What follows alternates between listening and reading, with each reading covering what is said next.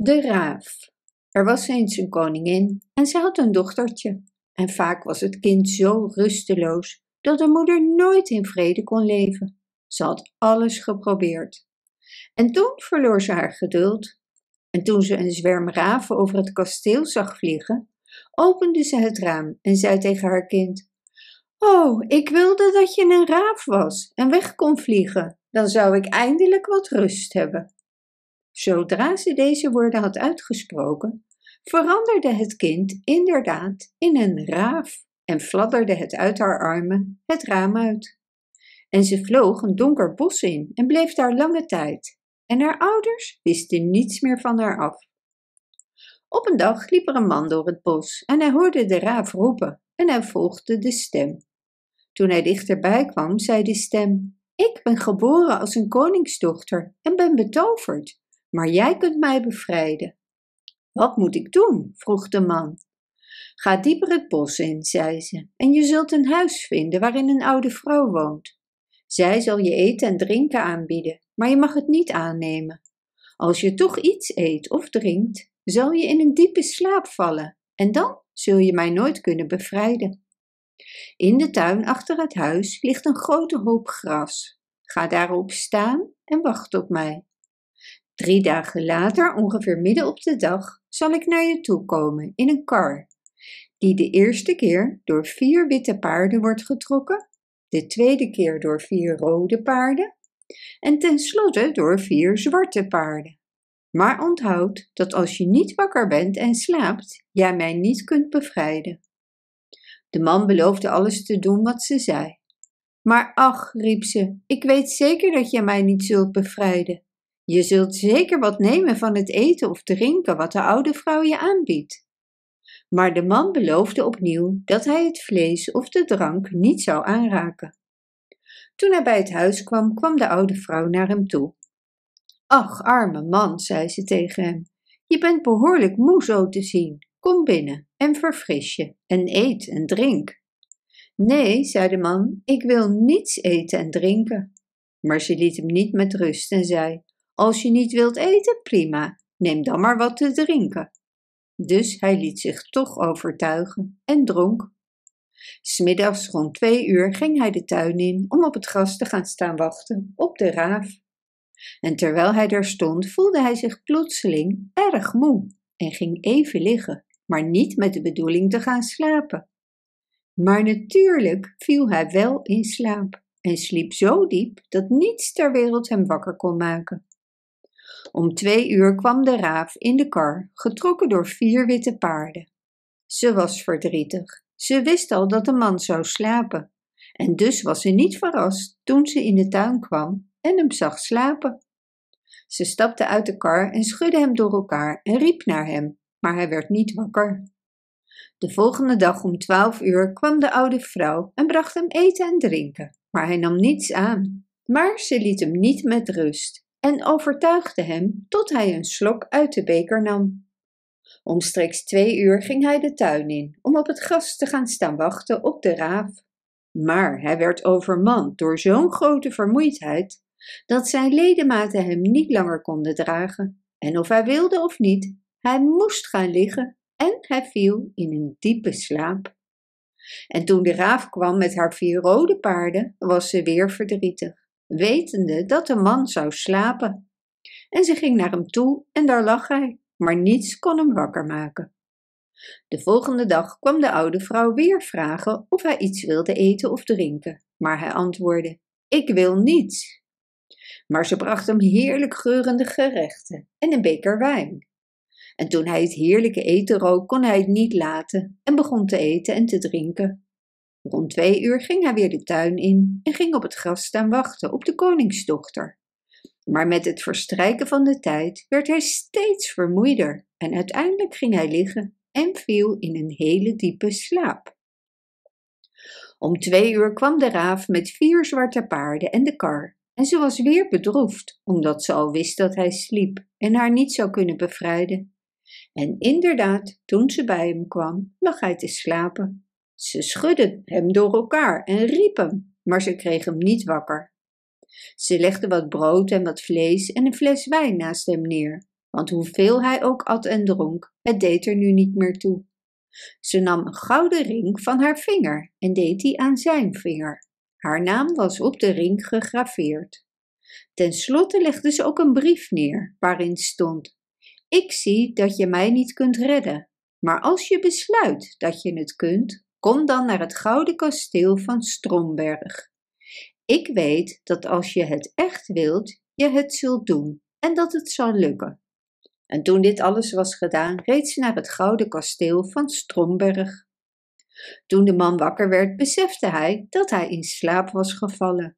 Hij was verdrietig omdat hij wist dat ze bij hem was geweest en was vertrokken en dat hij haar niet had helpen bevrijden.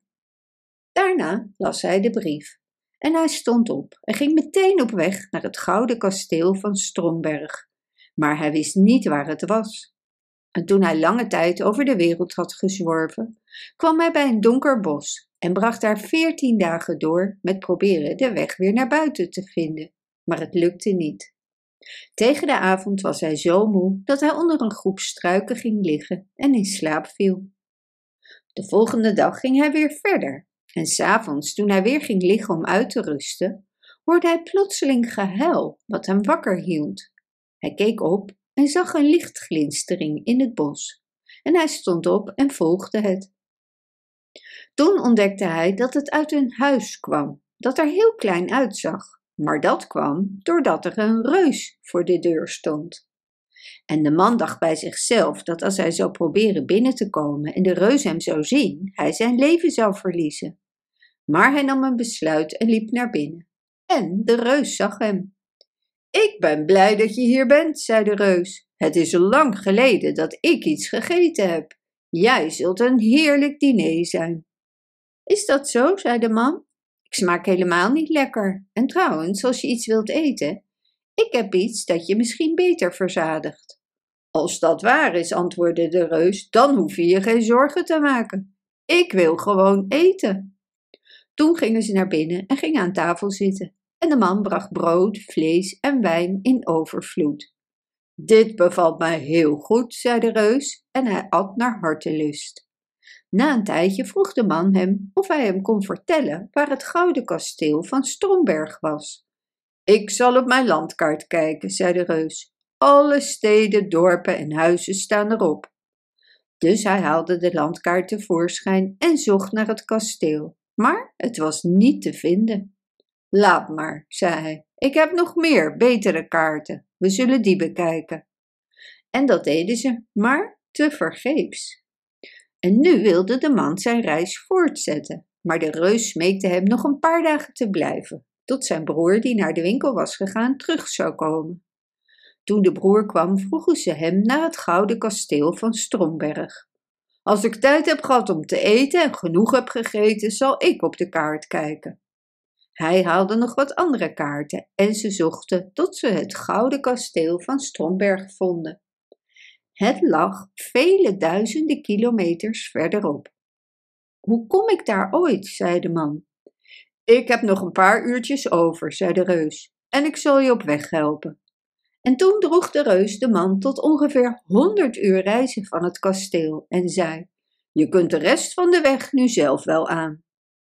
De man liep dag en nacht, tot hij uiteindelijk bij het gouden kasteel van Stromberg aankwam. Het stond op een glazen berg en hij kon de betoverde prinses eromheen zien rijden en vervolgens de poort binnengaan. Hij verheugde zich toen hij haar zag en begon meteen de berg te beklimmen om bij haar te komen. Maar het was zo glad en hoe snel hij ook ging, hij gleed steeds weer terug.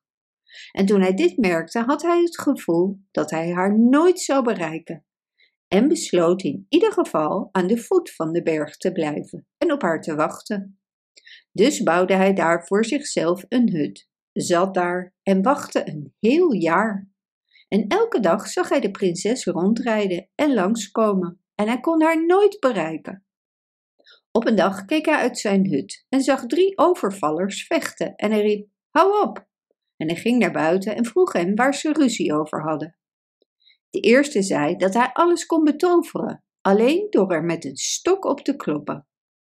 De tweede zei dat hij een mantel had gevonden die hem onzichtbaar maakte als hij hem aantrok. De derde zei dat hij een paard had dat overal heen zou rijden, zelfs de glazen berg op. En nu vochten ze omdat ze het niet eens konden worden of ze van deze dingen met elkaar of apart moesten genieten. Ik heb iets waardevollers dat ik jullie kan geven, zei de man. Maar eerst wil ik weten of jullie de waarheid vertellen. Dus lieten ze hem op het paard klimmen, deden de mantel om hem heen en gaven hem de stok in zijn hand. En zodra hij dit alles had, ging hij er vandoor. Hij had ze bedrogen. Toen reed hij de glazen berg op en toen hij de kasteelpoort bereikte, was deze op slot.